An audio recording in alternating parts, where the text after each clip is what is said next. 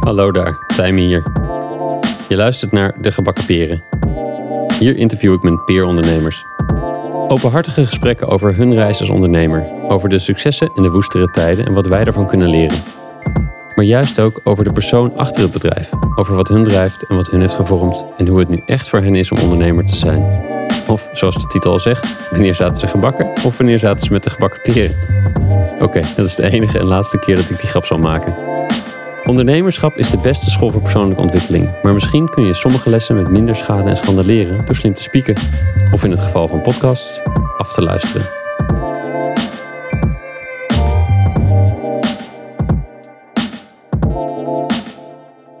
In deze aflevering is Edo Wiersma te gast. Edo is oprichter van de Stadstuin. Met de Stadstuin pakken ze leegstaande panden aan en transformeren die tot een inspirerende werkomgeving voor ondernemers.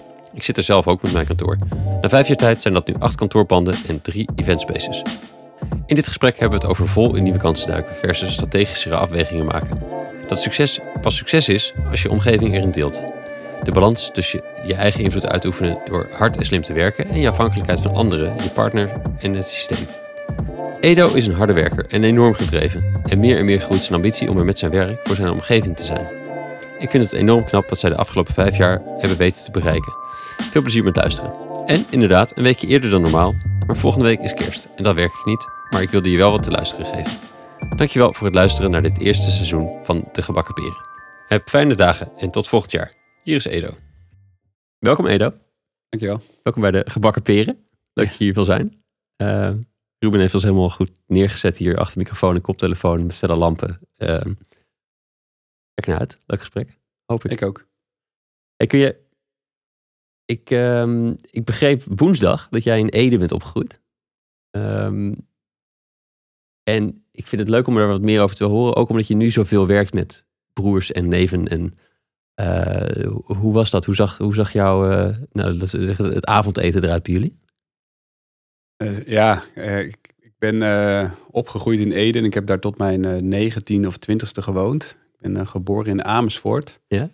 Mijn derde verhuisd. En ehm, kom uit een gezin van zes kinderen. Uh, ik moet zeggen dat mijn eerste uh, tien jaar van mijn leven waren dat er vijf. Want ik heb een, uh, een broertje die tien jaar jonger is. Ja. Um, en Ede is een dorp waar ik eigenlijk wel... Ik heb daar een hele prettige jeugd gehad. ik kom uit een warm gezin. Mm -hmm. Nederlands gereformeerd. wij gingen ook echt elke zondag naar de kerk. Um, en ik, ik, ik merkte achteraf pas dat in mijn visie was Ede anders dan toen ik in Utrecht ging wonen. Toen kreeg ik een ander beeld van Ede. Um, Door het contrast, het verschil. Ja. ja. Ik was altijd wel op zoek naar het contrast toen ik wat ouder werd hoor. Maar um, ja, wij, ik, ik, mijn, mijn broers en ik zit best wel, uh, is mijn twee oudste broers waar ik ook mee samenwerk. Ja. Die zitten kort op elkaar qua leeftijd. En ik heb een broertje, uh, Sjoerd, daar uh, verschil ik nog geen twee jaar van. Dus wij waren eigenlijk altijd wel met z'n tweeën aan het spelen. Is er ook nog, een, ook nog een dochter in dit gezin of zijn het echt alleen maar mannen? Ja, dus de eerste, het eerste kind van mijn ouders is een, een, vrouw inmiddels. Ja, ja, ja, sorry. Ja, ja. Mijn zus is. En voor de rest alleen maar mannen. Jezus, ja. Um, maar ik, ik speelde in de, mijn jeugd eigenlijk altijd wel met mijn broertje, binnen en buiten. En we hadden dan ook allebei, zeg maar, wat directe vrienden in de omgeving, vriendjes, die... Um, waarvan die jongen even oud was ik en zijn broertje weer even oud was als Sjoerd. Ja. Dus we, ja, wij speelden in de omgeving, in de speeltuin. Ik weet nog goed dat wij, de vijver was echt ons domein. Dus zij hadden, Jos en Rob, die hadden een um, soort kunststofbootje. en wij waren altijd, vaak gingen we dan vooral in de zomerperiode, gingen we daarin op de vijver. En dan gingen we hozen, zeg maar. Hè? Dus heen en weer, kukelde nog wel heel vaak eigenlijk in het water. maar... Um, ja, nee, ik, mijn ouders lieten ons uh, best wel vrij, al van jongs af aan. Dus we konden echt vrij in de omgeving. Ik heb ook de hele, het hele dorp ontdekt. De, vooral de wijk in, de, in mijn jeugd al veel ontdekt. Ik ging altijd op zoek naar alles en naar andere speeltuinen en fietsen. En uh, nog op de basisschool fietste ik helemaal naar de andere... Helemaal fietste ik helemaal naar de andere kant van het dorp. Een andere wijk om daar te gaan skaten. In mijn eentje ook wel eens. Want Ja. ik dacht, nou ja, ik wil gewoon skaten. Ehm, ik heb altijd gesport. Ja. Dus ik heb eh, eh, eigenlijk tot eh, een jaar of elf heb ik altijd gejudo'd. Maar ik vond ik, was ik op een gegeven moment wel klaar met best wel individuele sport. Ja. Eh, eh, ja, het kwam wel wat verder, maar ik was toch wel op zoek naar een teamsport. Dus toen ben ik gaan voetballen, wat ik altijd wel deed. Nou, dat kon ik nog wel redelijk. Dus ik ben in de D'tjes ben ik op voetbal gegaan. En het jaar daarop kwam ik eh, in groep 8 kwam ik zelfs in de D1. Eh, ik heb altijd wel leuk gevoetbald, denk ik. Tot mijn eh 21 toen heb ik een blessure opgelopen. En toen was het eh, klaar. Dus ik, Ja, ja, ja. ik keep nog wel eens bij een vriendenteam Oh, in. Kampong. Maar verder eh, voetbal ik niet meer. Maar eh, ja, thuis was het eh, eigenlijk altijd drukte. Ja, Dus eh, ja. vooral bij het avondeten. Wij eh, zijn geleerd om eh, te zeggen wat we, wat we vinden. Er werd gestimuleerd door. Of dat, werd, dat was normaal bij jullie thuis. Ja, het was ook wel normaal. Want we, als je vier jongens hebt en een zus die allemaal wat meemaken. En allemaal ehm, hun zegje willen doen. Ja, mijn ouders waren ook wel in die zin... Ja, ik weet niet of ze stimulerend waren. Maar dat kregen we denk ik wel een beetje over van... mee van mijn ouders.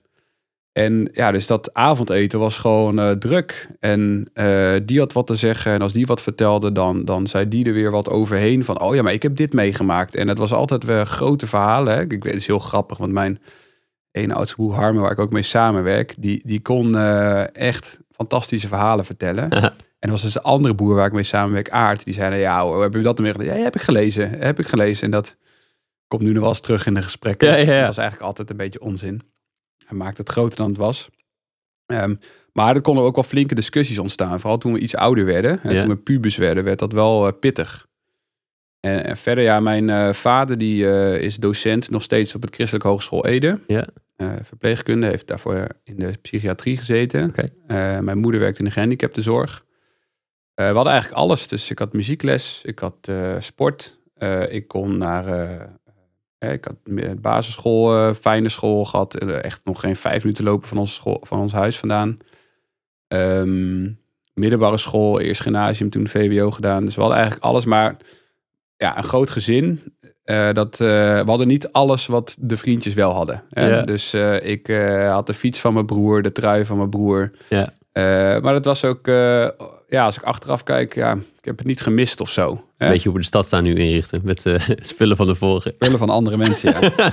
nee, ik, ehm, ja, dus ik, ik heb eh, wat dat betreft, eh, ik heb het echt heel fijn gehad. Ja, en mooi. ik, ik moet wel zeggen, ik heb wel gemerkt toen ik wat ouder werd, vooral toen ik uit huis ging en hè, mijn huidige, of de, Rowan, mijn vrouw leerde kennen, dat ik ook wel merkte dat, dat de, de warmte en de toenadering van ouders bij gezin ook anders kan zijn.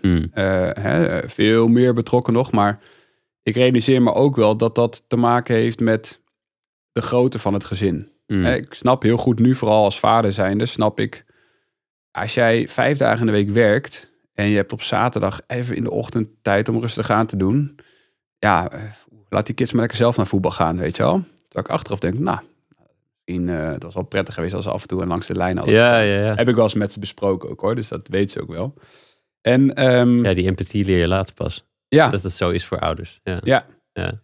Dus eh, ja, ik heb dat wel geleerd. En ik moet zeggen, ik, ehm, van mijn basisschoolperiode heb ik eigenlijk best wel veel, ja, positief. Hè? Dus ik was al gauw mondig. Dus ik ging wel een gesprek. Ik, was wel, ik kon wel lastig zijn hoor. Dus ik, eh, dat, maar dat heeft ook denk ik een beetje met uitdaging te maken. Het heeft niet zozeer dat ik een heel recalcitrant persoon ben of zo.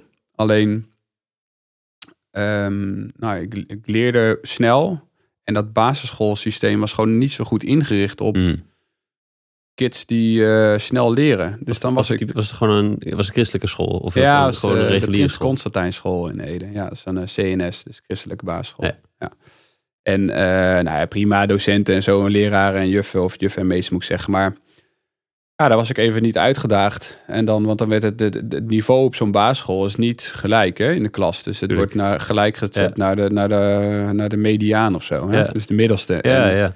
ja, daar was ik niet uitgedaagd. Dan werd ik wel lastig. En dan ging ik, eh, eh, ja, ging ik wel tegen juffen in. Ik weet nog goed dat ik eh, in groep 4, dat ik echt, ik denk dat ik die, die schenen van die juf echt wel misschien wel blauw heb getrapt. Want Nee, die, trok, die trok me echt de, de klas uit. Ik wilde gewoon niet eruit. Ik moest weer op de gang staan. En dat gebeurde, ja. En ik weet niet of het heel veel gebeurde, maar ik heb dus altijd wel... En de ene juf en de andere, ene meester kon beter met me omgaan. Hè? Dus die wist, uh, dus dat, dat zie je ook weer natuurlijk, dat is logisch. De ene keer in groep 5 had ik echt uh, ook een... Zat ik in een soort uh, plus klas. Ja. Of althans een plusdeel. Dus ik kon met rekenen, kon ik extra dingen doen. Ja. Ja, dat, dat, dat was fijn, want ik was daardoor best wel relaxed in de klas. en ja, 6, 7, 8. Ik, ja, ik heb ik kan niet echt heel veel dingen meer herinneren, maar ik weet wel dat ik op zich, ik vond het wel leuk om naar school te gaan. Ja. Ik had niet het probleem ermee zo. Nee, dat we na school, voor school, na school altijd knikkeren. Dat deden we toen. Ik echt tot ik laat thuis kwam. Mijn moeder zei, wat doe je nou weer? En ik had echt uh, vriendjes op de basisschool waar ik vaak tussendoor ging eten. Uh, en, en daarna ging spelen. En sommige heb ik daarna nog wel eens, ja, zie ik nog wel eens of zo. Hè? Dus dan zie je nog wel eens voorbij komen. Maar ja, voor de rest is het eigenlijk geen contact meer met die mensen. Nee, nee. ga studeren in Utrecht, ander leven. En... Ja, ja, dat is, gebeurt eigenlijk op de middelbare school al. Want hmm. ik ging dan naar het gymnasium. Ja. En dan gingen er een aantal mensen ook naar die school. Maar er gingen ook een aantal mensen naar een andere school. Waar ook HAVO-VWO werd gegeven. En ja, dat, dan zie je elkaar bijna niet meer. Want nee, je bent gewoon vijf dagen per week naar school. En ehm, ja, dat, dat, vond ik wel zonde aan de ene kant. Maar ik had toch wel mijn omgeving. Dus dat was wel prima. Ja, ja. Waren, er, waren er in jouw omgeving mensen die dingen creëerden of neerzetten of ondernamen? Ondernomen? Onder, ja, die ondernemende dingen deden? Ja, ik ben daar eigenlijk, uh, ja, zeg maar, in de eerste twaalf jaar van mijn leven ben ik er eigenlijk helemaal niet mee bezig geweest. Uh, dus ik vond, uh, ik, ik, merkte wel dat ik op een gegeven moment, dat drang die ik heb om, als ik op een gegeven moment ergens klaar mee ben om de volgende stap te zetten, die had ik toen wel. Dus ik was in groep 7 al klaar voor de middelbare school. Weet je wel, ik ja, ik geloof het nu wel, volgende ja. stap. Um, op de middelbare school heb ik op een gegeven moment ook in het feestbestuur gezeten. Dus dat, dat is een beetje begonnen. Dus op 5 VWO begon ik. Niets als, iets maken. Ja, ook wel feestjes organiseren vond ik wel leuk. En weet je wel, uh, nou, dat je de, de organiseerde het brugklaskamp en langlaufen, noem maar op, skiën. Dat was nog best wel een uitdaging. Hè? Dus dan liep, je, liep ik met een, nog steeds een vriend van me, liepen wij met een ehm, envelop met 20.000 euro liepen wij gewoon naar de bank om te storten. Ja, ja, ja. Bizar eigenlijk, hè? Dus twee jochies van 17. Ja, ja. ja. En um, uh, ja, toen heb ik het wel een beetje al ja, gezien, maar um, het is wel grappig. Mijn, mijn opa, dus de moeder van mijn vader, die is altijd bakker geweest. En uh, in Nederland, in de Achterhoek. Dus die heeft een bakkerij gehad. En mijn moeder komt uit een gezin van twaalf kinderen. Eh, dus dat is nog groter geweest. Hè? Dus, dus mijn, mijn oma was echt zeg maar degene die voor het gezin zorgde. Mijn opa stond om vier uur op, misschien wel eerder, Jezus, om de bakkerij ja. op te starten. Iedereen werkte op een gegeven moment wel in de bakkerij. En, het hele gezin werkte in de bakkerij op een gegeven moment. Nou, weet je wel, de oudere ja, ja, broers en zussen en dat is ook hulpjes en zo. Die woonden ook nog wel in huis. En ik, uh, uh, wat toen ik naar de middelbare school ging, toen kon ik op een gegeven moment, uh, zijn we allemaal scholen langs gegaan. En toen had je ook dus op een VMBO-school had je een, een, een, bakkersopleiding. En dat deed ik dus wel eens. Hè? Koken met het boek van Jamie Oliver en uh, bakken. Ik dacht, nou, dat vind ik helemaal fantastisch. Hè? Ik ga naar die bakkersopleiding. Maar het was kader beroepsonderwijs, kader uh -huh. leerweg of zo. En nou, daar zei ze, nee, maar Edo, jij hebt een uh, CITO-score van 5,50 gehaald. Jij moet naar VWO gymnasium. Ja. Daar was ik wel een beetje boos over. Uit, achteraf denk ik, nou, dus, dus ik had wel iets van, hey, dat lijkt me wel, het lijkt me wel tof om dat te doen. Iets meer van iets gewoon creëren in plaats van. eh, nou, daarna heb ik, ik heb op het eh, middelbare school echt een prima tijd gehad hoor. Ik heb er iets te lang over gedaan, moet ik zeggen. Ik was daar nogal lastiger dan op de. En het heeft ook niet te maken met uitdaging, maar gewoon bondigheid. Je zei ook dat je een gymnasium en VWO bent gaan ben je geswitcht van school? eh, nee, ik eh, deed het eh, gymnasium in de eerste en de tweede. En toen merkte ik gewoon dat, dat ik kom niet helemaal levelen met de klasgenoten. Hmm. En als ik ze nu zo zie, hè, ik zou echt, ze zijn prima gasten allemaal en ik kan best wel met ze praten. Maar destijds, dat al mijn vrienden zaten op HAVO-VWO. Uh, wij deden, die deden gewoon hele andere dingen in de pauzes en daar sprak ik mee. Ja. En op een gegeven moment denk ik, ja, ik ben ik Grieks gymnasium aan, Grieks en uh, Latijn aan het sturen. En ik wil ik daar wat mee? Hè? Dus ik heb gewoon me afgevraagd. Mijn, uh, ga ik medicijnen studeren? Ik, nou, nee, ga ik niet doen. Nee. Grieks, nou, dat vond ik echt een ellendige taal. Hè? Vond ik echt helemaal niks. En ik weet het, misschien kwam, kwam het vooral door omdat Grieks en Latijn werden in een bijschooltje gegeven. Je had een bij, uh, Oh. bij uh, uh, gebouw waar ook nog andere. En ja, het was ook gewoon ellendig om daar te zijn. Ik vond het helemaal niks. Ja, en, ja, ja. Zo'n omgeving kan zo uitmaken. Ja, en dus toen zei ik, uh, heb ik op een gegeven moment mijn vader een uh, wandeling gemaakt. Zei ik, pa, ik, uh, ik, moet, ik denk dat dat in april of mei moet zijn geweest van mijn tweede jaar. Zei ik, pa, ik, ja, ik wil gewoon naar VWO. Ik ben er klaar mee. Dus hij heeft gewoon gevraagd. we liepen gewoon dan, denk ik wel anderhalf uur. Dus liepen we in de omgeving rond. En dan zei hij, ja, waarom dan? En uh, goed, nou, dat begrijp ik wel. Dus gaan kijken wat mogelijk is. Ja. Nou, moest ik in de derde moest ik economie inhalen. Dus uiteindelijk um, maar ik vond wel uh, ja, fijn dat ik die keuze heb gemaakt. Ik kwam daarna in een klas die me wel beter bij me paste. Ja, precies. Ja. ja. Hier komt al een beetje wat je, wat je net beschreef over het, voordat ze de microfoon aanzetten, over dat polderen. Dat je zo, zo laveert tussen verschillende groepen en zo. Ja. Um, dat is eigenlijk geen vraag, maar dat vond ik mooi. En je bent daarna dus naar Utrecht gegaan, daar ben je gaan studeren. Ja, dus ik heb uh, uiteindelijk zeven jaar over mijn VWO gedaan. Dus dat ging uh, van de derde naar de vierde ging dat goed. Vierde, vijfde, zesde, dat ging telkens een stapje laag. Ik heb toevallig de laatste keer uh, toen we gingen verhuizen, heb ik allemaal toetscijfers teruggezien. Ik hier, eetje, ben ik een pannenkoek geweest, zeg. Dat ik echt, dat ik daar niet meer best voor heb gedaan. Want ik dacht wel, oh, dat lukt me wel. Hè? Dan ja. ging je een week van tevoren studeren. Nou, echt niet. En toen ben ik op de middelbare school, ben ik op de zesde echt gezakt. Falikant, vijf vakken. Hè? Dus ik, kon, ik had het best wel kunnen halen, maar ik dacht, ik had weer dezelfde instelling. Nee, dat komt wel goed. En uh, ik zat ik wat te studeren, maar kon ik wel goed de, de, de schijn hoog houden. Dus dan mm. zei ik tegen moeder, nee, ik heb helemaal goed geleerd en zo. Maar uh, die zei niet van, nou, ik ga nu naast je zitten. En je gaat pas weg als je dit weet. Dat was wel gewoon lastig ook. Dus um, nou, ik zei ik wel goed geleerd. Nou, ik, vakte op, ik zakte op vijf vakken. En toen ben ik het, heb ik het volwassen onderwijs gedaan via het ROC. Nou, dat was echt fantastisch. Want het, uh, uh, dat heette FAVO destijds. Dus gewoon VWO in één jaar halen. Maar dat niveau van die school, van dat, dat, die toetsen, was net iets minder. Dus ik kon gewoon veel makkelijker heel hoog die examens ingaan. Uiteindelijk, nou ja, geslaagd. En toen heb ik nog een jaar gewerkt. Um, dus ik was, uh, denk ik, ik heb een jaar gewerkt. En tijdens het jaar werk, ik ben begonnen met inbound call center werk. Want ik, ik weet ik veel, hè. ik ga maar wat doen. Ja. Ik sportte veel, dus ik kickbokste uh, sportte veel. En op een gegeven moment dacht ik, nou, dit is het, dit is het echt niet. Hè? Hier ga ik nou niet, hier word ik niet vrolijk van.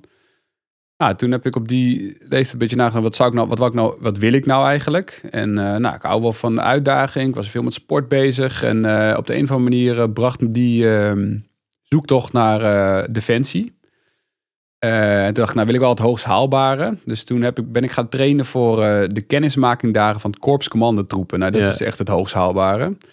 En, um, en ook nogal fysiek. Het is... Heel fysiek. Ja. ja. ik vond het fantastisch. Avontuur. En ik had zelfs op een gegeven moment denk, nou, als ik nou uh, doorga, hè, dan, dan moet ik accepteren dat ik op een gegeven moment een positie in, ja, inneem. Waarin ik misschien Ik had zelfs al geaccepteerd. Dus er komt misschien een moment dat ik het leven van iemand moet nemen. Hè. Dus ik had overal over nagedacht. Tot in de treuren. Daar ben ik goed in trouwens. Om uh, dingen tot in de detail over na te denken. ja. En dan slapeloze nachten eraan te koppelen. En, ja. Um, nou, toen heb ik in februari die kennismakingsdagen gedaan van het Korps Commandotroepen in uh, uh, Roosendaal, moet dat, is dat, uh, Brabant. wel doorgehaald. Er waren van de 52 man waren iets van 26 afgevallen. Waaronder ook mensen die van Defensie kwamen. Dus ik was qua motivatie, mentaliteit, het was allemaal top. Hij was gewoon te licht bevonden. Ik was een jochie van 19, en de rest was? net 20. De rest was ouder, had veel beter getraind. Uh, ja, we waren gewoon allemaal gasten. Ik van dacht zo, dit is niet normaal joh. Dat ja, daar, uh, koelkasten. Nou, dat, nee, het zijn niet per se koelkasten. Maar je ziet gewoon, het is allemaal gewoon focus. Mm. Uh, fysieke, st gewoon, sterke, gewoon sterke mensen. Nou, toen heb ik nog, um, toen zeiden ze, tijdens zeg maar de soort van, hoe zeg je dat, einduitslag, zeiden ze, nou Edo, hè, je, je bent eigenlijk wat we zoeken. Je bent lang, je hebt een uh, goed denkniveau, je kan voor jezelf denken. Dat, is, dat schijnt best wel belangrijk te zijn bij de korpscommandotroepen, dat je zelf beslissingen kan maken. um, je hebt echt een hele goede mentaliteit, want je hebt die drie dagen heb je doorstaan. Maar je bent overal net lichter bevonden. Dus wij zouden je graag hier terugzien, maar we raden je aan om eerst naar de luchtmobiele eenheid te gaan. Dus ga je eerst 2,5 jaar bij de luchtmobiele eenheid in dienst. En dan kom je hier terug.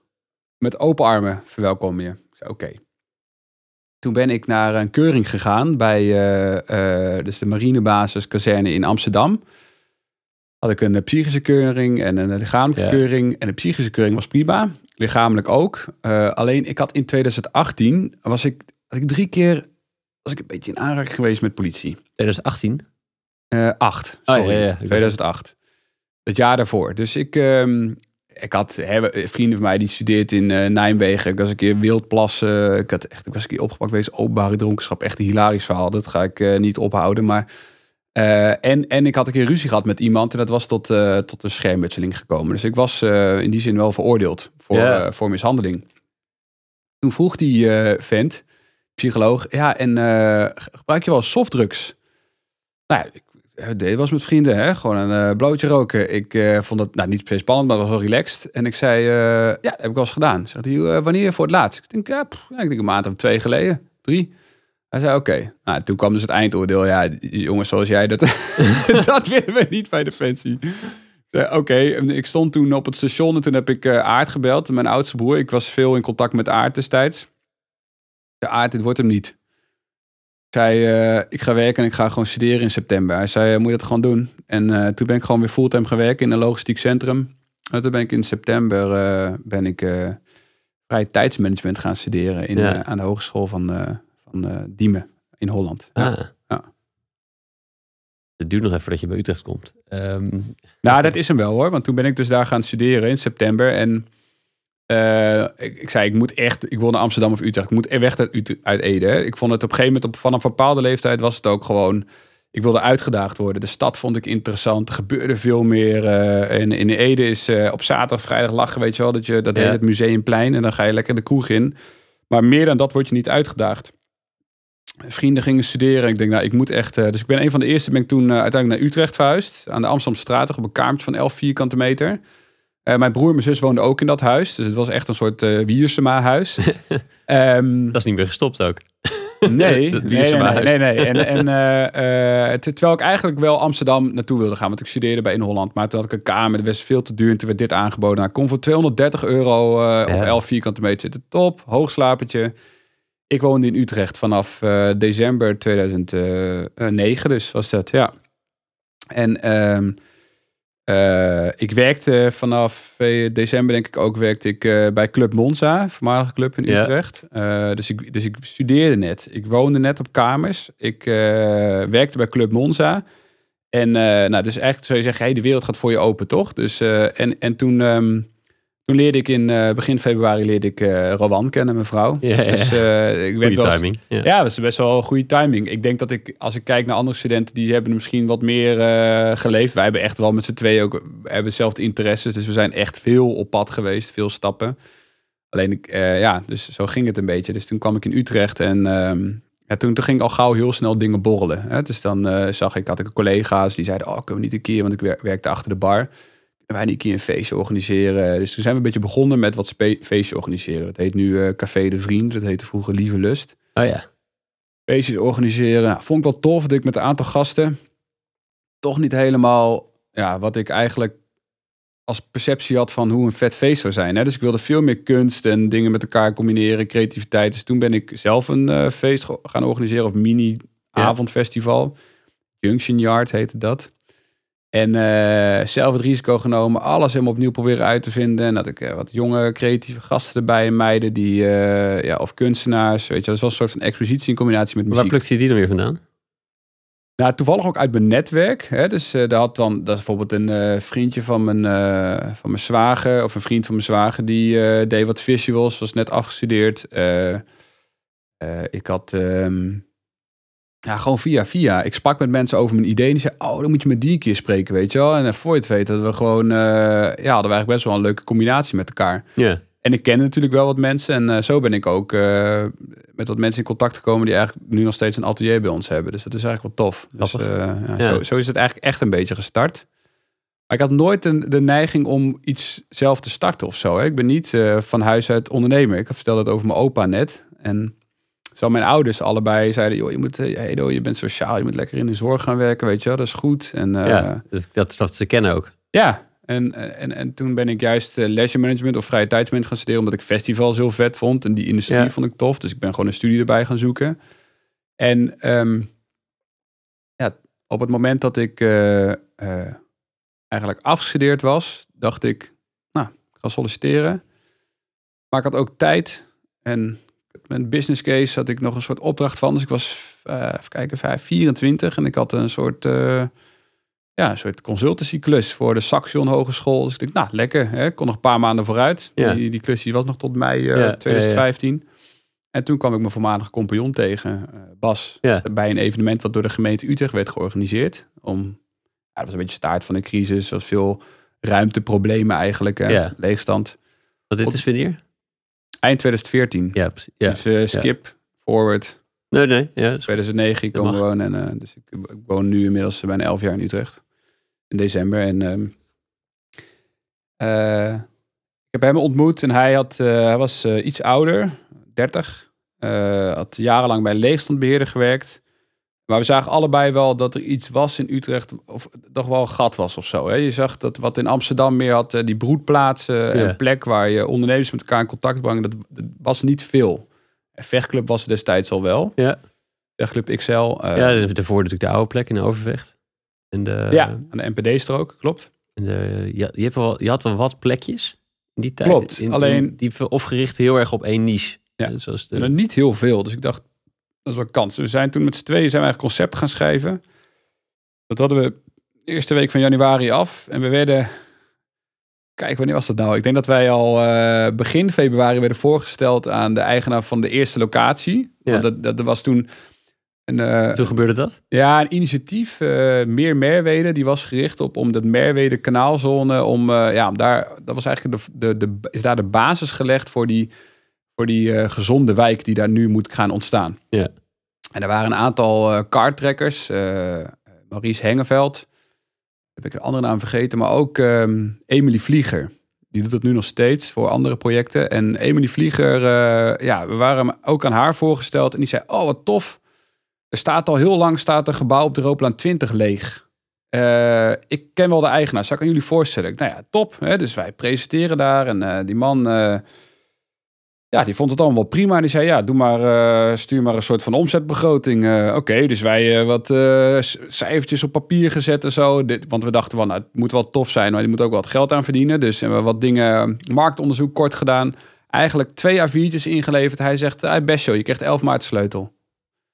Dus ik was net afgestudeerd, had nog een klus. Ik werkte er ook nog naast in de keuken als soort van ehm, lunchkok bij eh, de lunchroom van mijn eh, neef Rafael in Amsterdam. Eh, Bas had ook nog wel wat opdrachten die daarnaast deed als projectontwikkeling. Mhm. Voor wat, ook voor schoonvader van hem. En wij kregen de sleutel van een gebouw van 6000 vierkante meter. Tof, gaan we doen. Ah, we wisten niet waar we aan begonnen. Joh. Hey, hoe kijk je terug op die periode? Hoe kijk je op jezelf terug in die periode? En wat je te doen had en hoe je erin stond? Nou, ik ben altijd. ehm, denk, ik moest daar net nog nadenken over eh, op de fiets. Hè. Als je, eh, toen ik wat jonger was, ik had leeftijdsgenoten waar ik veel mee speelde. eh, maar ik, ehm, eh, ik vond het ook wel altijd leuk om met de grotere jongens om te gaan. Hè, dus met hun voetballen, met hun dingen doen. En, Ja. Want ik dacht, als zij het kunnen, kan ik het ook wel. Dus dat, ik zat een beetje te zoeken naar waar dat vandaan komt.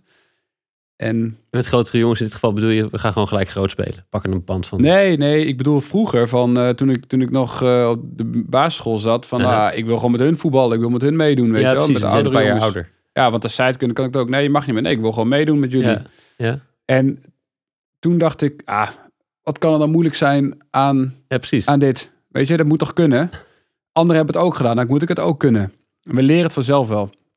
En het was best wel een leerzame periode, of eigenlijk een enorme leerzame periode natuurlijk.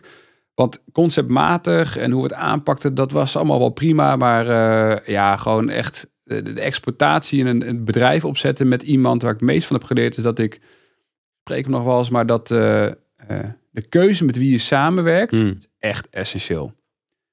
In die zin waren wij wel echt wel anders. En het, nu het samenwerken met mijn broers, ik kan alles zeggen. Kan Ja. ze ook uitschelden. Eh, we kunnen boos zijn op elkaar. En ook al is het even, gaat het even echt niet lekker, dan ja, iemand neemt de telefoon op en zegt, joh, weet je, dit, eh, dit zit me een beetje dwars. En je weet toch, ja, die basis is toch altijd goed. Snap je? ja. Dus eh, dat is wel relaxed. En dat, dat had ik bij ehm, die samenwerking. Ja, dat kon natuurlijk niet. Ik kon niet zeggen tegen Bas, eh, ja, ik ben al voor pannenkoek, ik ben al voor klootzak, joh, weet je. Want zo goed kennen we elkaar niet eens. Voor hetzelfde geld, ja, als je elkaar niet goed kent, ja, dan gaat het helemaal verkeerd. ja. Dus, ehm eh, Dus het is of, of, of de behendigheid missen, maar het, of Mm. het is het, niet de ja, vrijheid. dat had ik allemaal niet, joh. Ik dacht, ik doe het allemaal wel, maar ik ben in die zin wel nu wat meer gereserveerd zijn. Maar voorheen was ik wel, ah, dat kan allemaal wel. Hè? Dus dat gaan we gewoon doen, aanpakken, dit gaan we regelen, noem maar op. En uh, we gaan alles neerzetten. En uh, ik ga daar hard voor werken. Ik ben echt gewend om hard te werken. Sinds mijn, als ik wat extra's wilde vroeger, dan ja, pak maar een krantenwijk. Dus ik werk al eigenlijk vanaf mijn twaalfde in die zin. Ik had een krantenwijk, in mijn veertien in de afwas. Uh, weet je, achter de bar, uh, weer afwas, vakken vullen, ja, noem op. heb ik ook wel gezien. Ja, je, stond, je was niet beroerd om zelf een vloertje te leggen of even te timmeren of ergens te klooien. Nee, ik, hoorde laatst iemand, uh, zei die zei dat voor de grap. Zei, ja, Edo is wel echt de hardste werk. Nou, dat niet. Maar als wij met andere mensen werken, dan denk ik ook, we gaan het nu afronden. En die zeiken gewoon aan de slag. En het is, als ik dan met een aannemer waar we veel mee samenwerken, die zegt, ja, nee, komt Edo weer. Dan zit hij oh, te balen. Fuck, ja. zeg ik, joh, zit nog te ouwe up aan de bak, weet je wel. Tot ze weten aan toe en dan, uh, ja, pijn merk je later wel.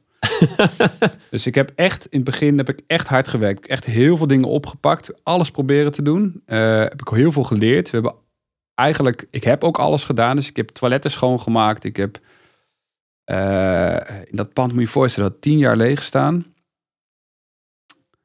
Uh, het was gekraakt, anti-kraak, uh, uh, Polen ingewoond, noem maar op. En ik heb daar gewoon echt de lepels en de spuiten van, van junkies weggehaald. En, ja, ja. En, en, er zat nog strontvlekken van een hond, van die kraken zat nog op een plek, weet je Ik heb, dacht, heb handschoenen aan, kleren aan. Als ik het snel weggooi, wat kan er misgaan? Ja.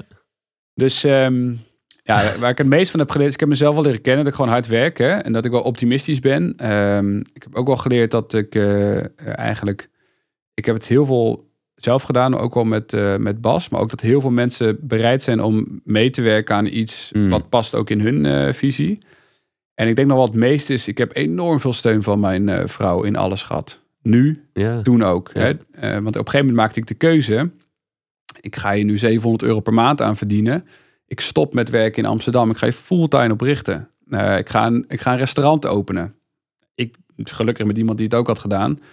Maar zij zei ja, uh, we maken nu een afspraak eigenlijk gezegd. Als jij in 2015 ga je dit doen. Uh, als het niet werkt, kan ik altijd nog terugvallen op mijn studie. gewoon, ik heb daarna nog... Na altijd nog gewoon een baan nemen. Ja, ik heb een leisure management gestudeerd. Dus ik heb, daarna heb ik stadsgeografie in de Universiteit Utrecht afgerond. Kan altijd nog werken. Altijd plan B. Maar ze hebben altijd gezegd, joh, ik geloof wel in je, maar uh, als je het doet, ja, dan moet je ervoor gaan. Dus als ik dan even zeg, ja, ik heb zin in, nee, ja, harder werken. Hè? Dus uh, ga, ga maar uh, aan de slag. En zij verdiende echt beduidend meer dan ik destijds. Dus wij woonden in een flatje vanaf, ik denk 2014 in, o in Overvecht, bij de, aan de Faustdreef. Ja. En um, als we op vakantie gingen, zoals een soort van, ja, dat moet ik niet zo zeggen, maar uh, zij betaalde dan de vakantie, weet je wel. Dus, uh, en de uitjes, dat deed zij. En daarna had ik weer een periode dat ik dat deed. En ja, met, zonder haar denk ik... ja, weet je, dat, dat merk ik wat ik belangrijk vind. Wat ik ook heb geleerd. Is als je niet iemand achter je hebt staan. Hè, want mm. ik kan ook wel eens malen over dingen. En nadenken over, ja, we, had het niet anders gekund.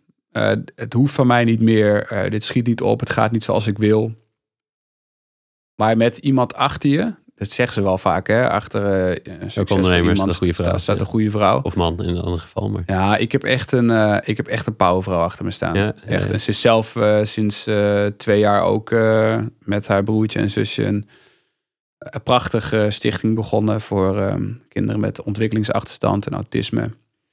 En dat echt, dat groeit als kool. Dat is echt bizar. Maar dus zij doet dat. En ze is ook een geweldige moeder.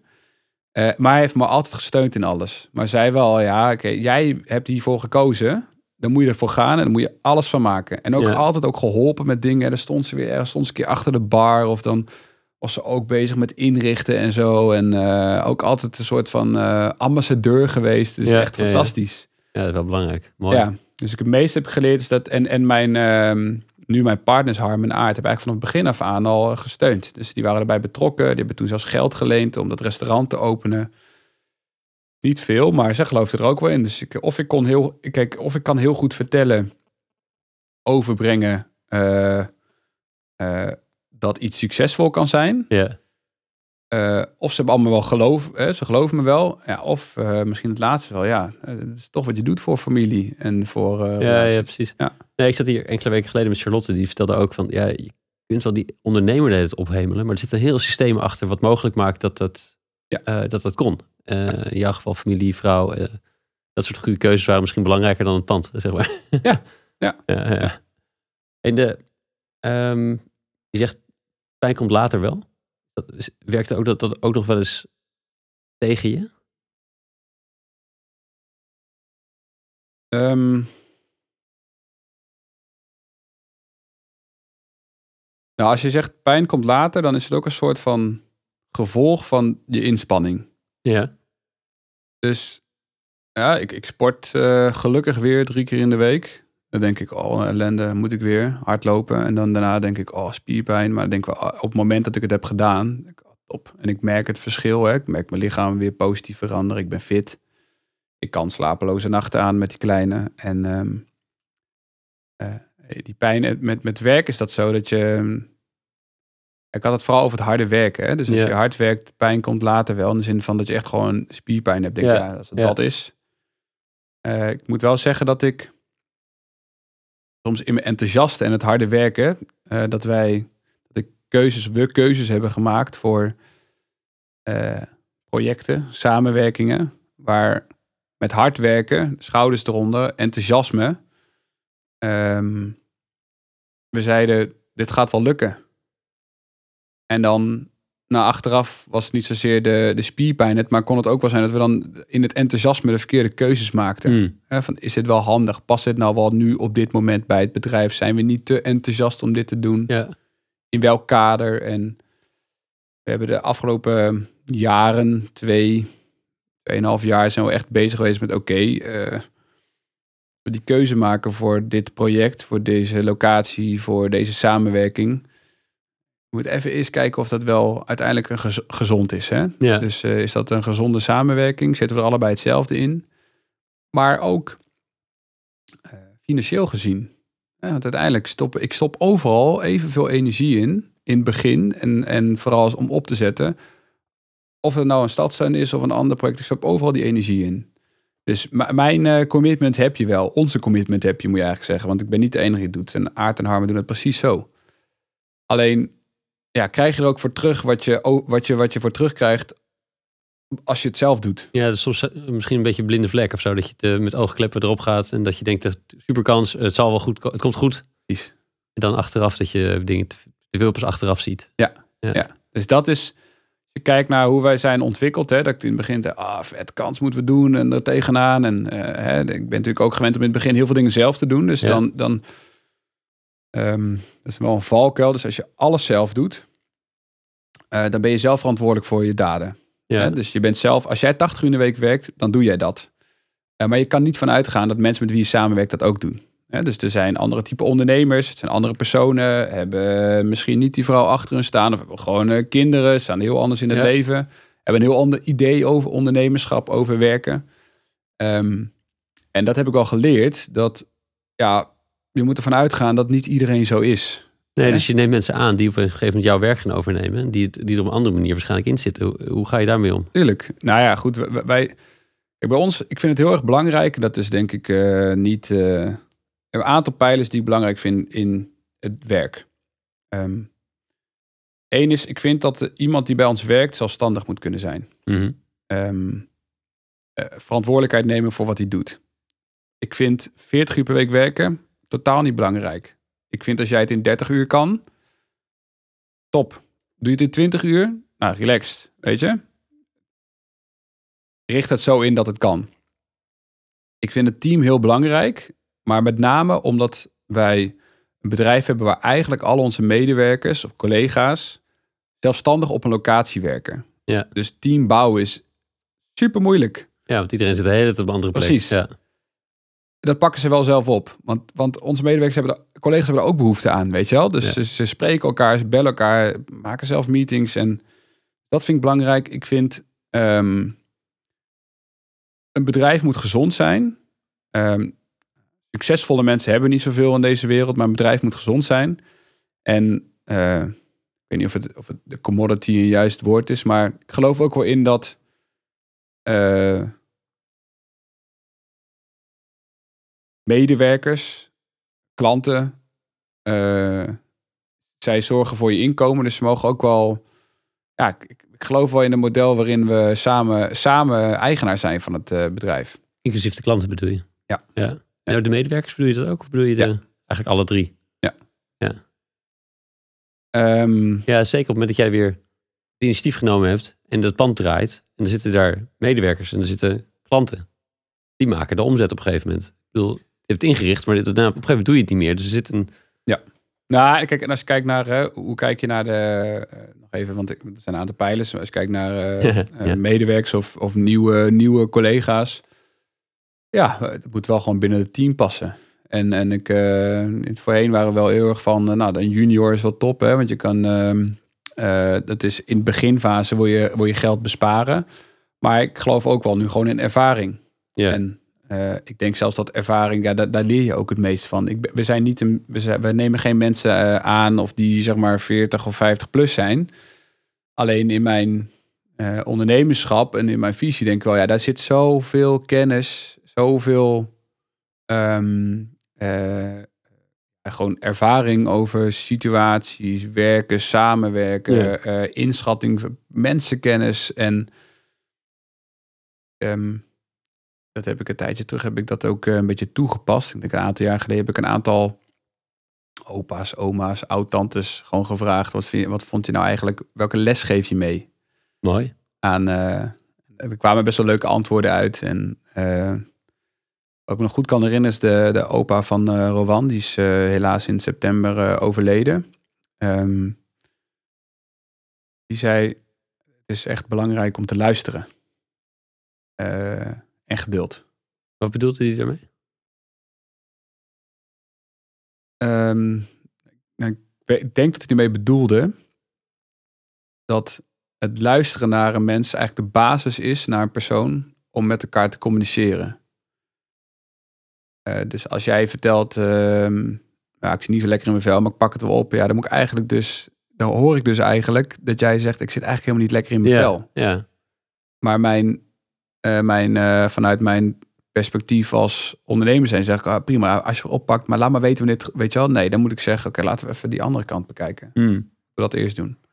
Dus ik, in die zin heb ik ook wel vaak met, probeer ik echt wel, eh dus wat moeilijker als het bedrijf groeit, maar ik vind het fijn om persoonlijk met, eh, ja, we zijn open, we zijn een familiebedrijf geworden, hè, dus dat was het eerst niet, maar met eh, de twee partners, mijn broers erbij, zijn we echt familiebedrijf. Dat zie je ook wel een beetje terug, hè, hoe we met elkaar omgaan.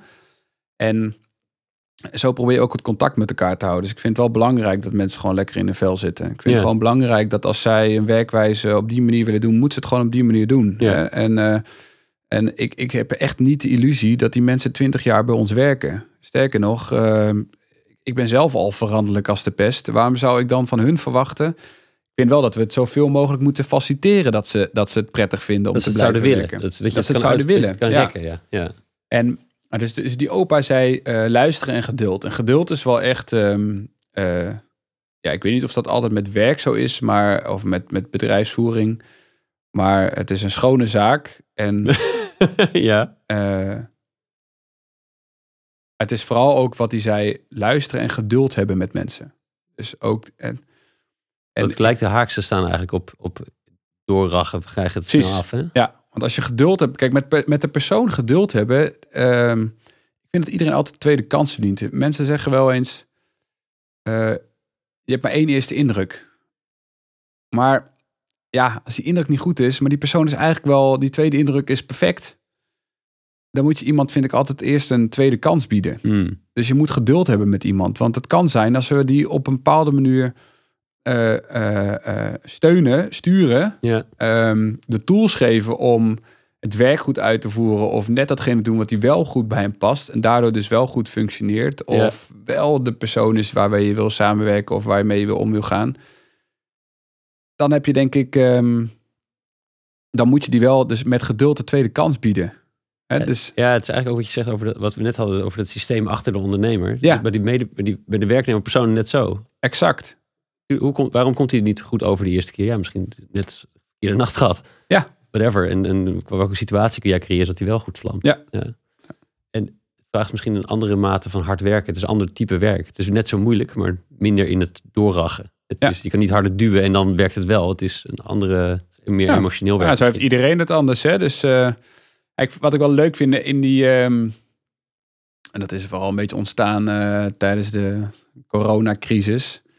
Dus bij ons, werd, wij zijn echt wel hard geraakt als bedrijf hoor. Dus eh, dat zeg ik nu makkelijk, maar dat is, dit heeft wel echt enorm impact op Mm. ons gehad. Ook mij eh, nou, persoonlijk wel echt mee gezeten. Ik ben wel optimistisch, dus we zijn altijd vooruit aan het kijken. Maar ik merkte gewoon hoe, hoe dat team gewoon aan de slag ging, weet je wel. En dat was, vond ik echt wonderlijk te zien. Dat ze allemaal zeiden, oké, dan gaan wij... Dus allemaal, vooral in die eerste weken, jongen, daar waren ze allemaal met elkaar aan de slag om hele processen te verbeteren. En we hebben het wel een beetje aangezet van, jongens, dit wordt rustig de komende periode, want we moeten thuiswerken, je, Ja. noem maar op. Ehm, kunnen we dit met z'n allen oppakken? Ja, gaan we doen. Dat heeft iedereen gedaan. En ik heb altijd naar gestreven, ook voordat eh, mijn broers erbij kwamen, om hè, dat, die zelfstandigheid vind ik belangrijk. En nu merk je gewoon dat die medewerkers eh, dat hebben opgepakt en accountable, zichzelf accountable houden voor wat ze doen. En dan denk ik, ja, als die organisatie zelf kan draaien, wat, ja, dat is toch fantastisch. Dan hoef ik daar toch helemaal niet mee betrokken te zijn. Mhm. En niet om achterover te leunen, want ik ben eh, niet de persoon die achterover leunt. Dat denk ik dat ik dat ben. En op Hoe bedoel je dat? dat je, je denkt van wel, maar je, je bent het niet? Nou, kijk, stel je voor een situatie waarin het bedrijf op zichzelf draait. Hè, we zijn nu bezig met een best wel eh, nog steeds een groeistrategie. Dus ik heb een hele. Ik heb nog een essentiële rol in de organisatie. Maar als wij stabiliseren. En we zijn bezig met eigenlijk de exploitatie van, van, het, van, van de stadstuin. eh, dan is een groot deel van mijn rol, vooral voor groei, niet, niet meer van toepassing. Ja. Eh, dus dan Ja. kan die organisatie zelf draaien. Ik ben dan niet de persoon die zegt: Weet je wat? Ik eh, ga twee uur in de week werken. Lekker bak koffie doen daar, een beetje lunchen met iemand. Want het gaat altijd borrelen. Altijd dingen van: Oh, dit wil ik nog mee aan de slag gaan. Nee, maar omdat je zegt, ik- denk van wel. Als in, je denkt dat je achterover kan leunen, maar, maar je weet van niet, zeg maar. Of zo. Nee, ik denk dan van, oh, kan ik even lekker achterover Ja. leunen. En op een gegeven moment denk ik, eh, ik heb het zelfs op vakantie is het beste voorbeeld. Als ik, ehm, eh, ik heb, eigenlijk heb ik echt drie weken vakantie nodig als ik op vakantie ga. Eh, dan heb ik de eerste week om echt tot rust te komen. ja. En dan de tweede week, eh, nou, ik vind het ook wel lekker om actief te zijn. Dus ik ben altijd aan het beachvolleyballen of als kan eh, andere dingen doen. En de tweede week, ik wil wel echt een combinatie van activiteiten en ontspannen. Ik kan, kan heel goed op een bedje in de zon liggen. Rowan kan het iets beter dan ik, maar ik vind dat prima ook. Eh snorkelen vind ik ook helemaal te gek om dan te doen hè, op een situatie, op een plek. En, ehm, eh, maar de derde week merk ik, hmm, ik merk ook inmiddels dat ik dus niet meer gevraagd word. Hè? Dat ik dus niet meer lastig word gevallen in mijn vakantie. Dat is ook fantastisch trouwens, want het was wel eens anders geweest. Dat is een soort overwinning inderdaad. Ja, maar de derde week denk ik, ah, mm, ik zat nou over na te denken. Ik heb weer wat bedacht en dan gaat het weer borrelen. En dan weet ik, oké, het is weer tijd om eh, aan de slag te gaan. ja, ja, ja. Dus ik denk ook niet dat ik eh, dat kan. Maar ik heb wel ehm, besproken, al binnen de organisatie. eh, wij hebben in 2018 een vijfjarenplan gemaakt. Dan moet ik eerlijk zeggen, dat is niet zo uitgebreid als een eh, 40 pagina's stellend do- document. Maar we hebben een strategie voor vijf jaar bepaald. ja.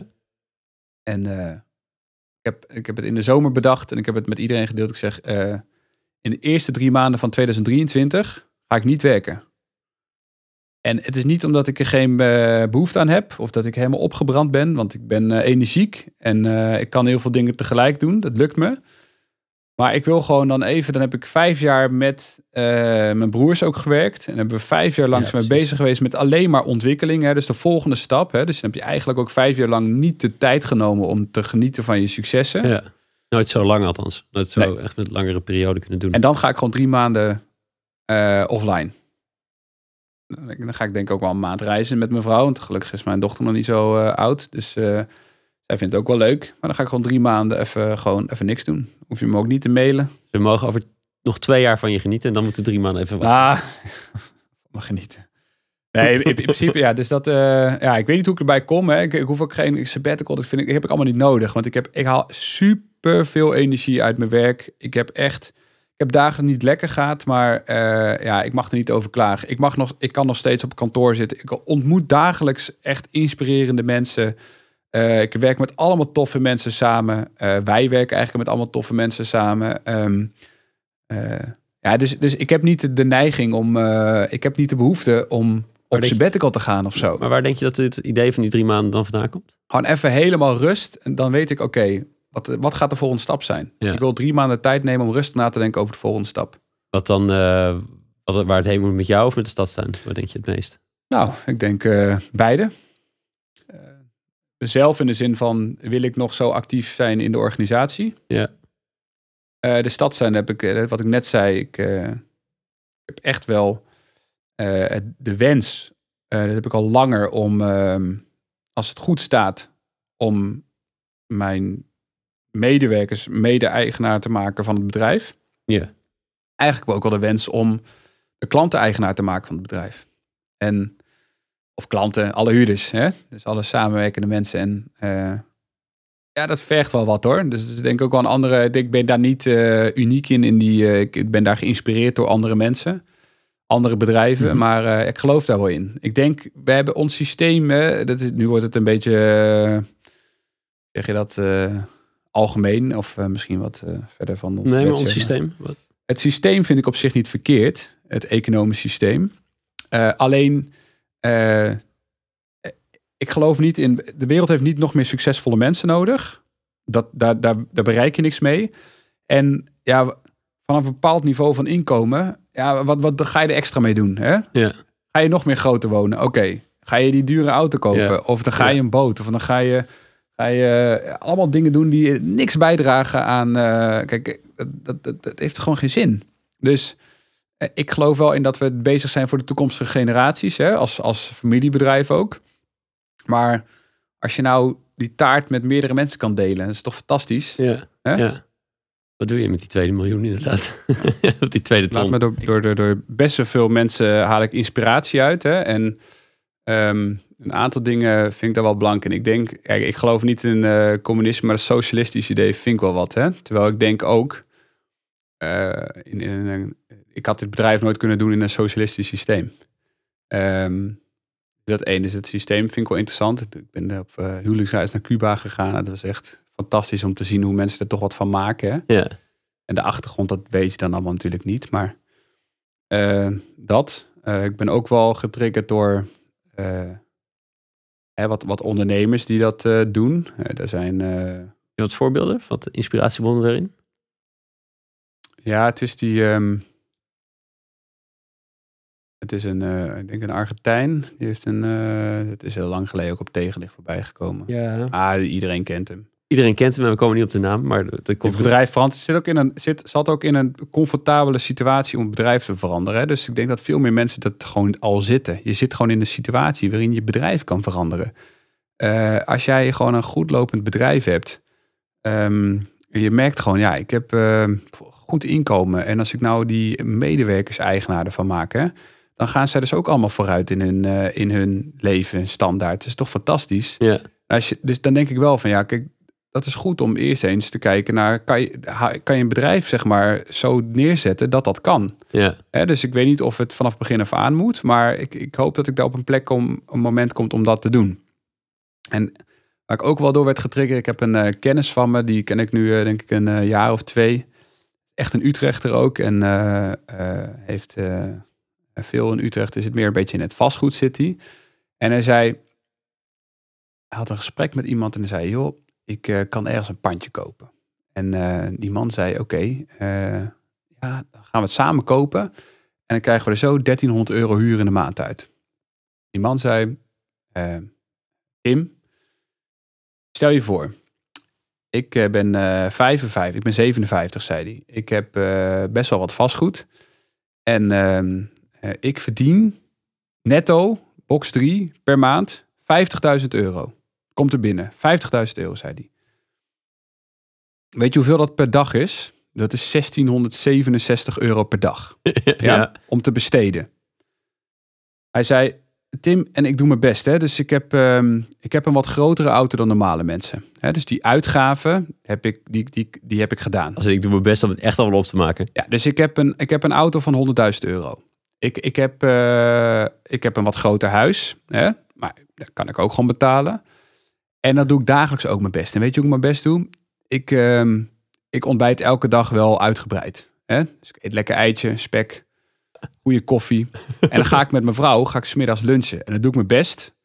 En dan ga ik niet eh, heel chic lunchen, maar ik ga elke dag uit lunchen. En dan doe ik, nou weet je wat, ik doe een cappuccino, zuutje en nog, en nog een drankje erbij. Hè? Drie, vier drankjes. Elke dag het eten vind ik ook niet maar. Stel je voor, ik ga ook nog eens elke dag uit eten.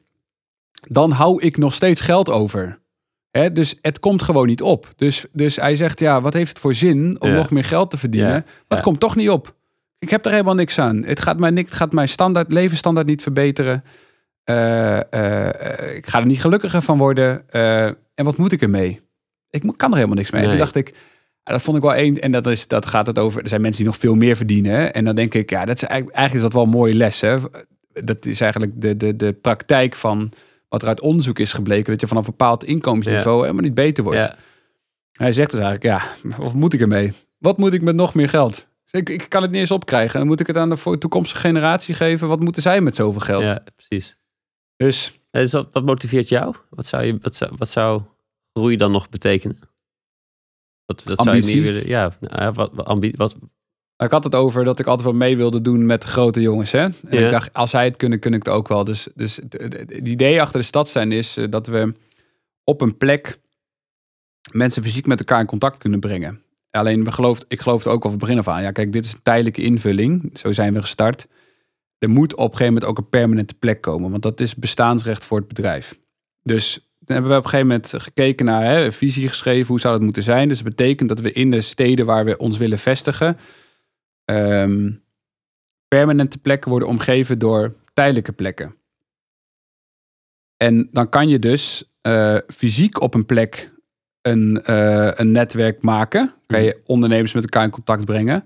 Maar als je dat online ook kan doen, door middel gebruik van, eh, van applicaties of een website, wat dan ook, kan je dus ook een online netwerk creëren. Dus het idee is, we kunnen dus potentieel een netwerk van duizenden ondernemers neer creëren. En dus de ambitie was eerst van, nou oké, we moeten niet bij één locatie houden, want dat is tijdelijk. Hè? Dus je moet ook voor, naar de toekomst kijken. Dus we gaan naar permanente plek. En, en met die combinatie met, eh, eh, met, met zeg maar meerdere plekken, meerdere steden, kan je dus, kan je, zou je dus overal, kan je dus een enorm netwerk aan ondernemers creëren. Dus eigenlijk een soort van LinkedIn, alleen dan de stadstuin. Waar eh, intern alles kan worden opgelost. Ja. Dus je bent als, of jij nou starter bent, productontwerper, eh, creatief ondernemer, start-up, of je, of je werkt al, je hebt al een bedrijf van 10 jaar, 25 of, of 50 man in dienst. Al jouw vraagstukken, alles wat met bedrijfsmatige processen te maken heeft of wat je nodig hebt, kan je allemaal intern oplossen.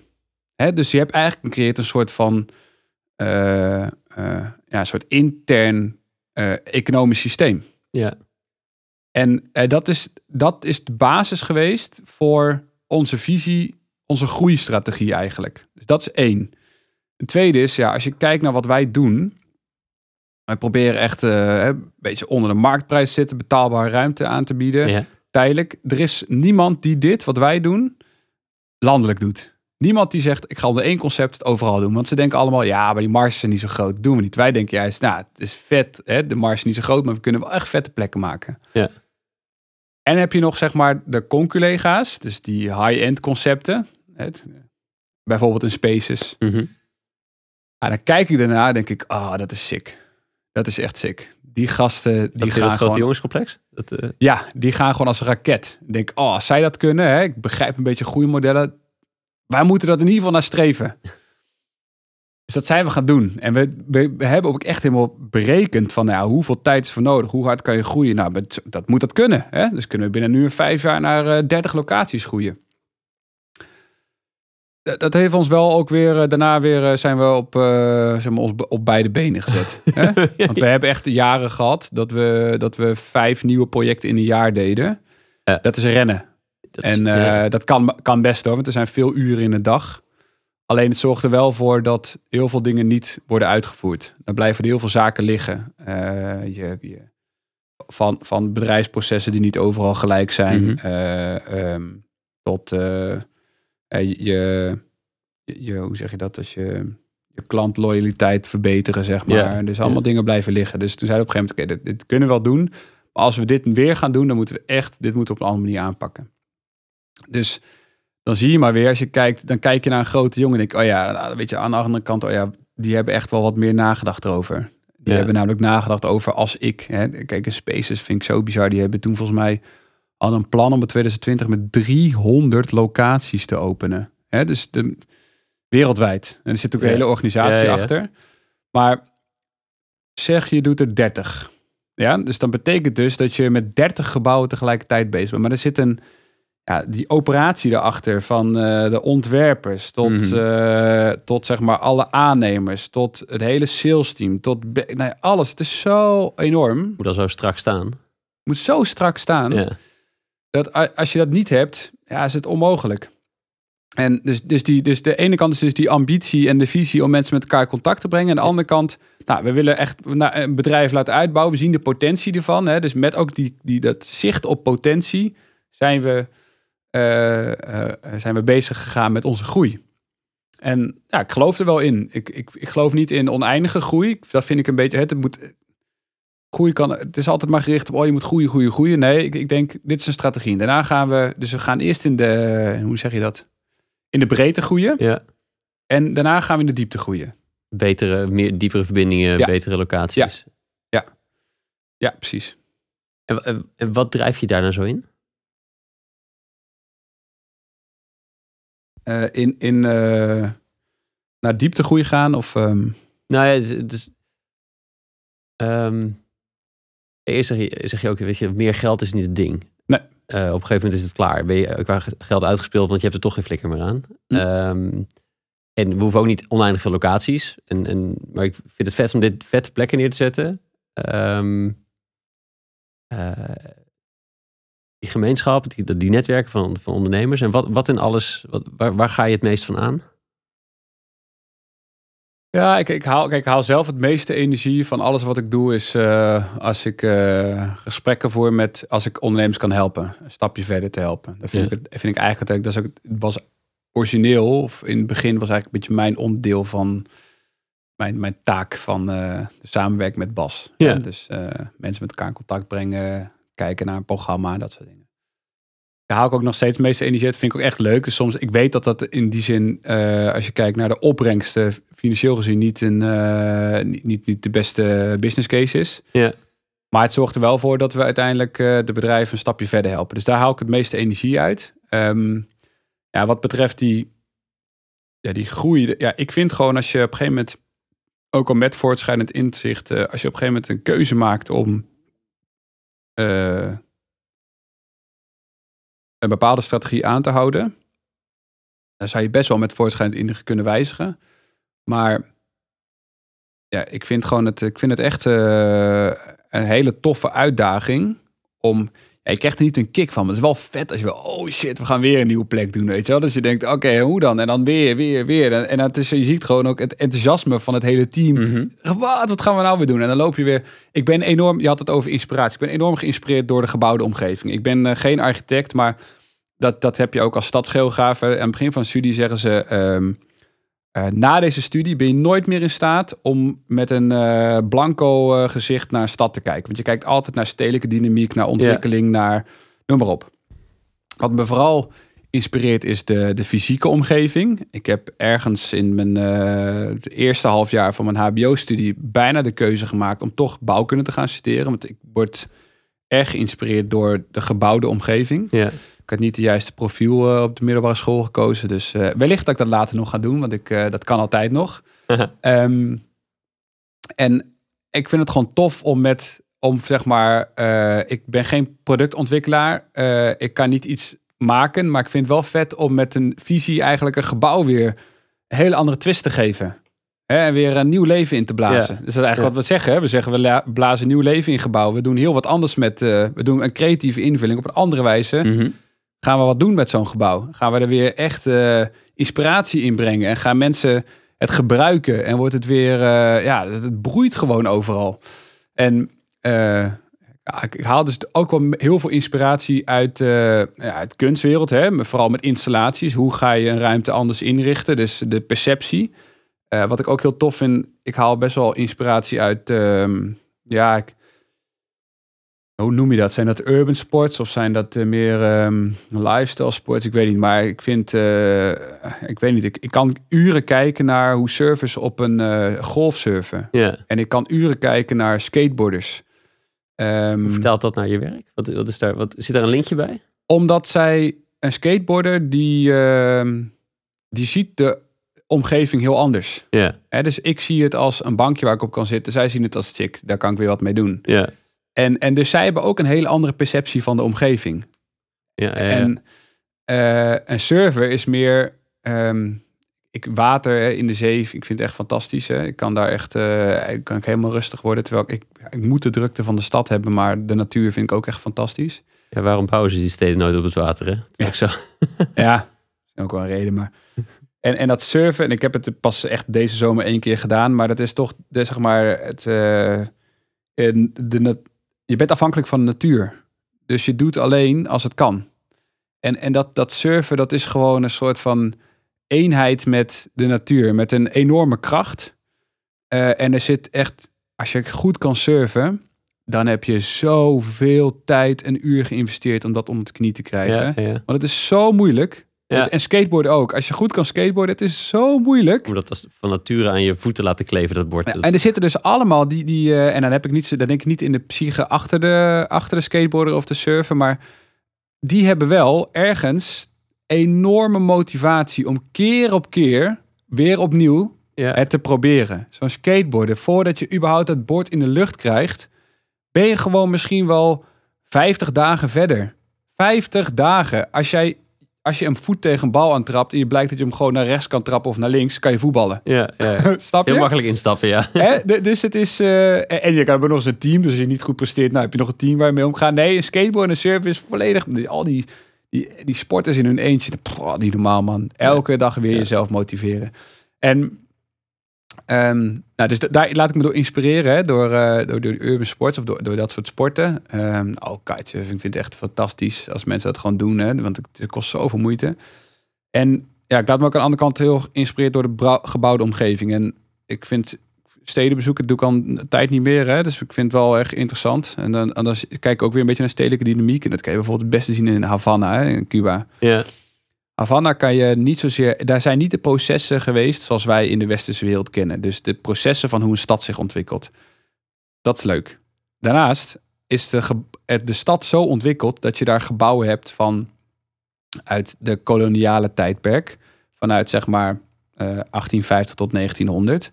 Van pre-revolutie, van communistisch en nieuw ja, alles bij elkaar, maar in een stad, in een land waar een socialistisch systeem is. ja.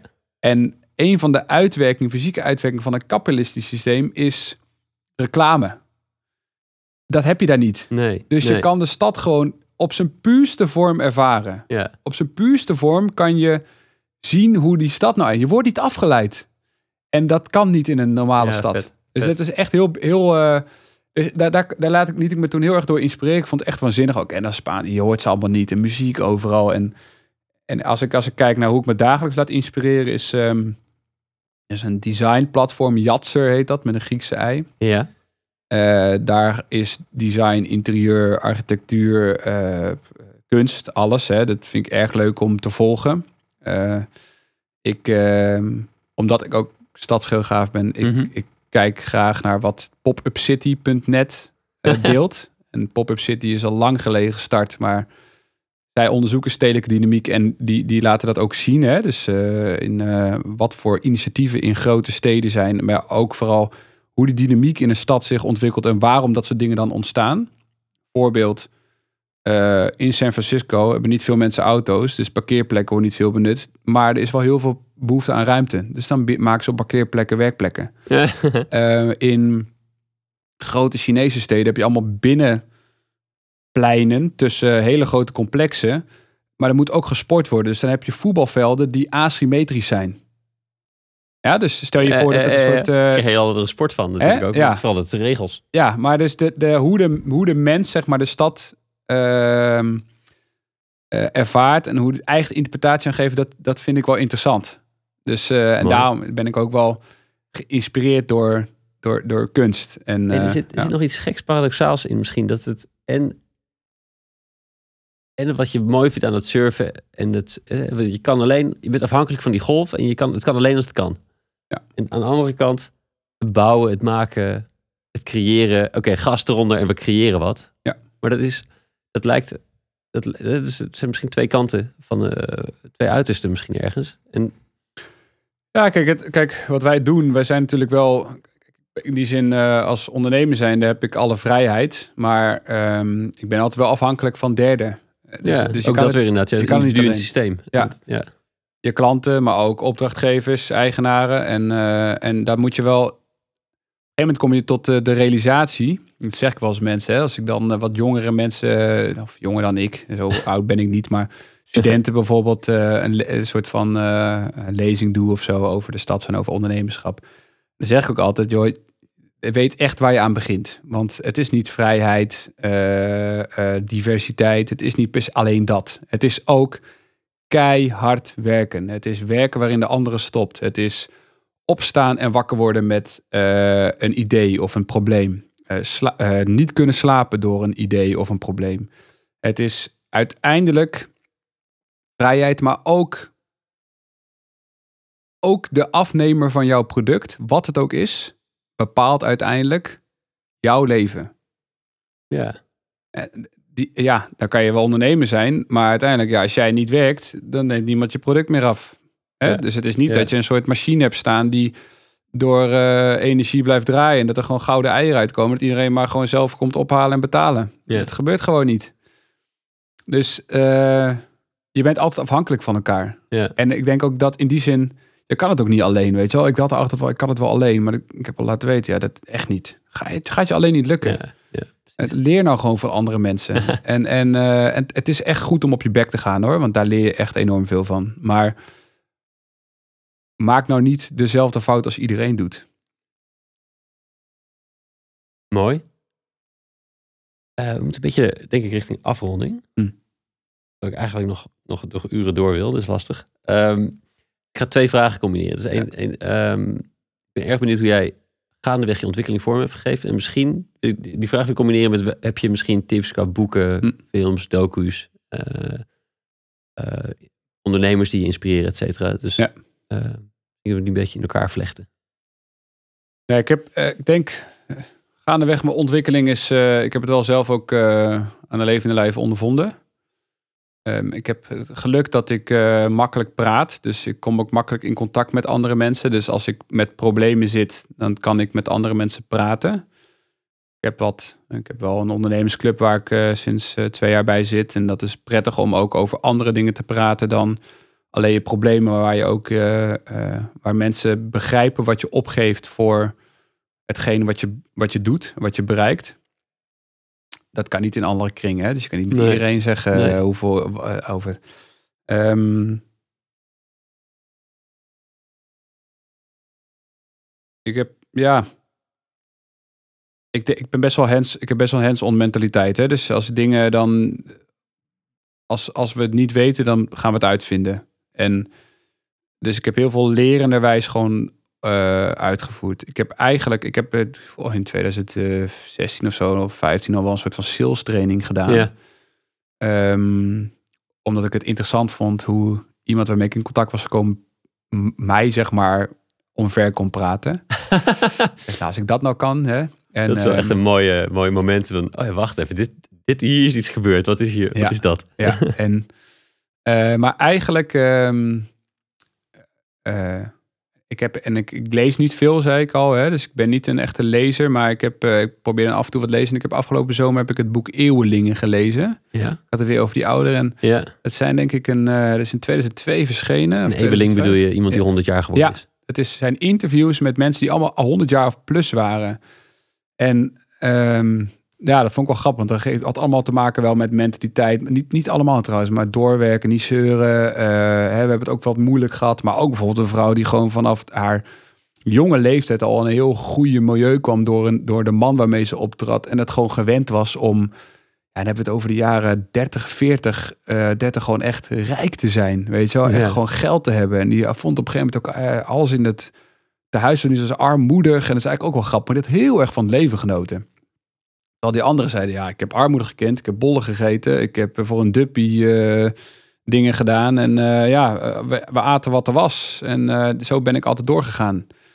Um, zelf, waar ik zelf wel naar op zoek ben, hè, dan probeer ik elke jaar weer zelf een beetje doelen te stellen. Dat ik mezelf ook persoonlijk ontwikkel. Ik heb, uh, voorheen heb ik, uh, dat doe ik, ik vind het ook wel prettig om dat met sport te doen, want dan zet ik mezelf ook wat doelen. Mhm. Ehm, ik heb, uh, toen ik op de basisschool zat, heb ik gitaarles gehad en kon ik goed gitaar spelen. Dat, dat kan ik niet meer. Althans, ik kan misschien nog één nummer of zo met wat akkoorden. Volgens mij van Deep Purple, Smoke on the Water kan ik nog. Ehm, maar ik denk dat ik ben ik probeer mezelf, ik had het over surfen en skateboarden. Skateboarden gaat niet worden, maar ik vind het erg leuk om bepaalde dingen die me interesseren toch een keer geprobeerd te hebben. Ja. Dus ja. Ik ben uh, in oktober 2019 ben ik uit de vliegtuig gesprongen. was ook een cadeautje van vrienden van me. Doe ik nooit, doe ik echt never nooit niet meer. Maar ik heb het wel een keer kunnen ervaren. Dus Ja. ik heb ik ook dat surfen en surfen denk ik, hey, ik kon uh, na de eerste keer kon ik gewoon op een bord blijven staan. Dus dat wil ik wel vaker doen. Het is een Ja. best wel een simpele als er golven zijn en je bent op het strand en je kan een surfboard huren, moet je doen. En dat, dat probeer ik. Probeer al- in heel veel dingen probeer ik me uit te dagen in activiteiten. Ik wil het een keer gedaan hebben of voor iemand gesproken hebben, want daar heb ik de, de inspiratie haal ik echt ook uit andere ondernemers. En als laatste, dat kwam ik net al een keer op terug. Ik, ehm, dat moet ik ook uitvogelen in dat eh, tijdens die drie maanden niet werken. En ik, daar ben ik ook een beetje geïnspireerd door een andere neef van mij. Die heeft een tattoo shop in Amsterdam. En ik kwam jaren geleden met hem in gesprek en zei, hoe, hoe gaat het nou? En hij zei, nou, ik weet niet of ik altijd Akko van de tattoo shop ben. Hè? Misschien wil ik wel motors repareren of zo. ja. ja. En zo, zo sta ik er ook wel in. Ik denk, weet niet of ik altijd Edo van de stadstuin ben. Hè? Ik vind dat een beetje te beperkt. Het is, het leven gaat echt zo snel voorbij. Ik ben 31, ik ben eh, vader van echt een fantastisch meisje. Ik ben al meer dan drie jaar getrouwd. Eh, we zijn al vijf jaar, meer dan vijf jaar met de stadstuin bezig. Ehm, eh, het gaat zo hard en is het, ja, moet je dan alles maar gewoon ja, dat als één ding blijven doen. Dus ik heb ook daardoor ook veel meer respect gekregen voor mensen die al 30 jaar lang ergens werken of 30 jaar een eigen bedrijf hebben. Denk ik, Ja. wauw, dat doe je al 30 jaar lang doe je eigenlijk dit. ja. Ik kan me niet voorstellen. En Wat maakte dat je, dat je daar respect voor hebt? nou, kijk, wij zijn nu. Ik denk dat je in de jaren heen altijd een andere rol krijgt. Maar eh, ik, ik ben. te- ik wil gewoon dingen doen. Ja. Ik wil dingen ontdekken. Ik wil andere dingen doen. En eh, als iemand dan zo lang hetzelfde blijft doen, dan denk ik, hoe, hoe, hoe lukt jou dat? Hè? Ja, ja, ja, ja. Ik, ik weet ook wel dat om ergens eh, te komen op punt, heb je focus nodig. Focus is het allerbelangrijkste. Je maakt een strategie voor jezelf. Binnen die strategie ga je aan de slag. Als je dat niet doet, links, rechts, links, rechts gaat, naar achter, terug, hou maar op. Gaat niet werken. Mijn eigen ervaring. En als je dus 30 jaar lang ergens mee bezig bent, met, met een transportbedrijf, of je hebt, eh, en dan denk ik, wauw, dan ben je dus al 30 jaar lang, doe je Ja, echt die zelfde Japanse processen. ambacht inderdaad. Ja. Echt, die mensen die al 70 jaar rijst aan het bakken zijn, weet je wel. Of het, eh, Ja, maar dan heb je dus zo. gewoon al 30 jaar hetzelfde restaurant. Ik, wauw, doe je al 30 jaar lang dag in dag uit hetzelfde. Ben je ondernemer, maar aan de andere kant, ja. Hè? En dan heb je ook nog eens mensen die gewoon al eh, het bedrijf naar een enorm iets hebben uitgebouwd. Natuurlijk krijg je een andere eh, rol in de organisatie, dat kan wel. Maar nou, ik weet niet of, dat, eh, of ik die rol dat zou willen hebben. En ik, ja, wat ik al zei, ik heb bepaalde interesses en daar ben ik ook mee bezig. Ik probeer ook echt binnen de organisatie, ik probeer heel veel van mijn interesses gewoon binnen de stadstuin Ja. te ontwikkelen. Mag toch je eigen bedrijf wel een beetje misbruiken om dat te doen. Gelukkig wel. Eh, maar ik zou het ook, ik, ik heb het een tijdje terug over gehad. Ik zou best wel weer op mijn vijfnetste de schoolbank in willen. Hmm. Want ik, eh, ik heb het nu minder, want ik ben eh, druk en ik haal mijn inspiratie uit zaken. Ik vind school aan de ene kant dacht ik, oh, weet je wel, zit je weer. Maar de, echt gewoon, je, je raakt, ik weet niet of jij dat ook hebt, maar ik raak geïnspireerd door sprekers, door ondernemers, Hmm. door mensen die verstand van iets hebben. En eh, in de schoolbanken vertellen mensen gewoon eigenlijk hetzelfde, doen hetzelfde als jij naar een inspirerende spreker luistert. Ja. Gaan over een onderwerp gaan ze jou iets leren. Ja, En als ik dat weer zou kunnen doen, ik denk dat ik dat wel met een hele andere mindstate, ehm, eh, een heel andere insteek student kan worden. Ja, volgens dan, mij. eh, dan toen. Ja, Ja. ja, Ja. ik ook. Ja, en, en eh, ja, voor, voor de rest, weet je, ik wil een motor kunnen rijden. Ik, eh, wil, ik wil echt Spaans kunnen praten, want Spaans, ik ga, wij vinden het heerlijk. M- mijn vrouw is kwart Surinaams, dus Surinaams hoef je gelukkig geen Spaans te kunnen, maar we zijn, eh, meer, we zijn meer geïnteresseerd in Zuid, Midden-Amerika Mhm. dan bijvoorbeeld Azië. En het is wel prettig om als je ergens bent om een taal te beheersen. Ja, hè? ja. Want als, je hebt toch wel een gevoel van afstandelijkheid of van, eh, nou niet vijandigheid, maar je hebt toch, hebben ze nou over mij? Natuurlijk niet, ze hebben het gewoon over de dagelijkse dingen. De reis is weer te duur of zo, weet je wel. En, en dus, dus een aantal dingen wil ik gewoon kunnen. Ik Ja. wil gewoon eh, Spaans kunnen leren. Ik wil kunnen motorrijden. Ik wil kunnen surfen. Ik wil ehm eh, kitesurfen. Nou, te gek. Hè? Ik wil gewoon lessen gaan doen. En Ja, als je die ja. dingen, als je denk ik jezelf op je kan jezelf al op zakelijk niveau of op professioneel niveau heel erg ontwikkelen. Maar ik denk dat persoonlijke ontwikkeling misschien nog wel belangrijker is. Ja, Omdat je als persoon, als jij lekker in je vel zit, kan je alles aan. ja, ja, Weet je? Ja, ja, precies. Ik, kan, ik, kan, ik sport nu drie dagen in de week. Ik eet gezond of ik doe aan eh intermittent vasten. Dus ik eet eh, wel in mijn ogen nu tijd best wel gezond. Eh, ik drink wel in het weekend. Ik hou wel van een wijntje. Ik hou ook wel van een rummetje of zo. En, ehm, of een biertje. Maar als je gezond bent. Ja, ik, ik kan, als ik een slaaploze nacht heb gehad, niet door werk, maar gewoon die kleine die vier keer wakker is geworden. Mhm. Eh, en ik weet dat heel veel mensen, vooral met kinderen, dit wel begrijpen. Dan ben je verrot. Ik ben er één van. Je bent, ja, toch of niet, met twee jonge Twee kinderen. zelfs. Ja. Je bent gewoon kapot. Maar als je lekker in je vel zit, gezond, weet je wel, en je doet het samen. Ik doe het dus samen met mijn vrouw. En je weet wel van s'nachts denken. Ik heb in de beginperiode gedacht, oh, het- dit meen je toch niet? Ik, hoe vaak ben ik dan weer eruit geweest? Hè? En dan denk je, oh, ellende. En dan word je Ja. bijna boos worden. Het kind kan natuurlijk helemaal niks aan doen. Nee. En dan de volgende dag heeft ze eindelijk een paar uur doorgeslapen. En dan neem je er met z'n tweeën in bed. En dan is, het, is ze gewoon aan het lachen. En dan eh, babbelt ze. En dan geeft ze kusjes, knuffelen. En Ja. dan denk je... Ja, daar ben ik gewoon een zachte... Daar word je zacht van. En daar word je heel eh, nederig van eigenlijk. En dat plaatst alles wel in perspectief. Ja, zeker. Maar het is wel een stuk fijner om dat te doen... met een gezonde basis. Dan na zes maanden uitgewoond te zijn. Ja, Precies. Ja, Ja. ja. Ja. Mooi. Mooi punt. dat denk ik ook. Ik ook. Ik had, ehm, ja. Ik eindig altijd met ehm, de vraag: wie hoop je dat dit hoort en jou met je contact neemt? Vaak is dat een perfecte klant. Dat is misschien minder relevant. Misschien wat voor partners of wat voor mensen zou je. Hoop je dat contact, op, contact opnemen?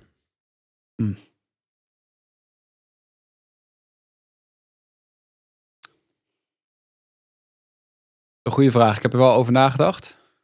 Ehm,